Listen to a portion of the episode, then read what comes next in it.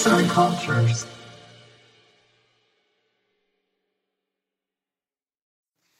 ...28. bölümden herkese merhabalar.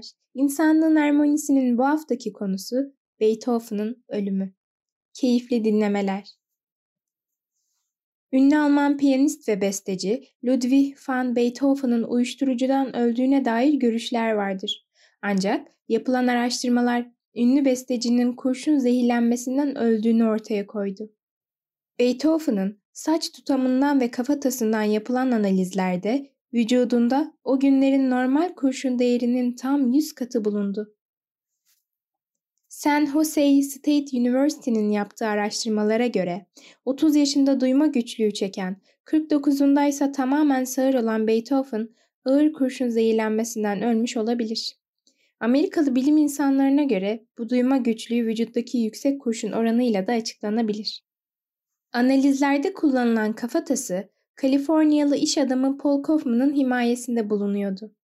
Kaufman, atalarından kalan mirası elinde tutuyordu. Kaufman'ın atalarından biri de Beethoven zamanında Avusturya'da bir doktordu. İş adamı aslında ilk başta kafatasının Beethoven'a ait olduğuna emin değildi. Kafatasının Beethoven'a ait olduğu ise Amerikan Beethoven Derneği'nden alınan bir tutam saç ile yapılan DNA karşılaştırması ile doğrulandı. 56 yaşında acılı bir ölüm. Neredeyse 40 yıllık ağır karın ağrıları ve ekstrem ruh halleri. Bunların her biri Amerika'nın Illinois eyaletinde bulunan Argonne Ulusal Laboratuvarı ve Chicago'daki Araştırma Enstitüsü tarafından kurşun zehirlenmesi teşhisine tamamen uygun bulundu. Beklentilerin aksine her iki analizde de eser miktarda civa bulundu. Buradan da Beethoven'ın civalı bir merhemle tedavi edilen frengiden ölmediği anlaşılıyor. Bununla birlikte 4 yıllık araştırmada Beethoven'a ağrılı bir son hazırlayacak afyon veya herhangi başka bir ağrı kesiciye de rastlanmadı. Araştırmacılar Beethoven'ın yaratıcılığını ağrı kesicilerle mahvetmeyeceğini öne sürdü. Beethoven'ın vücudunda bulunan kurşunun nereden geldiği henüz kesinleşmedi.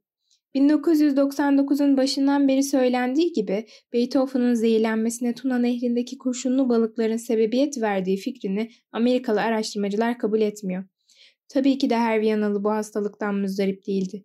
Yoksa bu gelecek kuşaklara da aktarılırdı diyor Sağlık Araştırma Enstitüsü'nden William Walsh. Araştırmacılar ünlü bestekarın gençken sıklıkla gittiği kaplıca sularını yuttuğunu düşünüyor.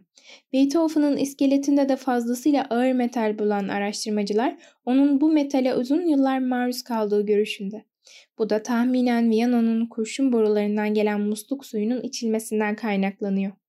Beethoven'ın bu şaşırtıcı hastalığını ortaya çıkaran saç tutamı 1994'te Amerikan Beethoven Derneği'nin dört üyesi tarafından bir açık arttırmada Londra'da Sotheby'lerden 7300 dolara satılmıştı. Dünyaca ünlü bestecinin kendisi de rahatsızlığı üzerine kafa yormuştu ve 30'lu yaşlarında erkek kardeşinden ölümünden sonra rahatsızlığının sebebini araştırmasını istemişti. Ama erkek kardeşi başarısız olmuştu.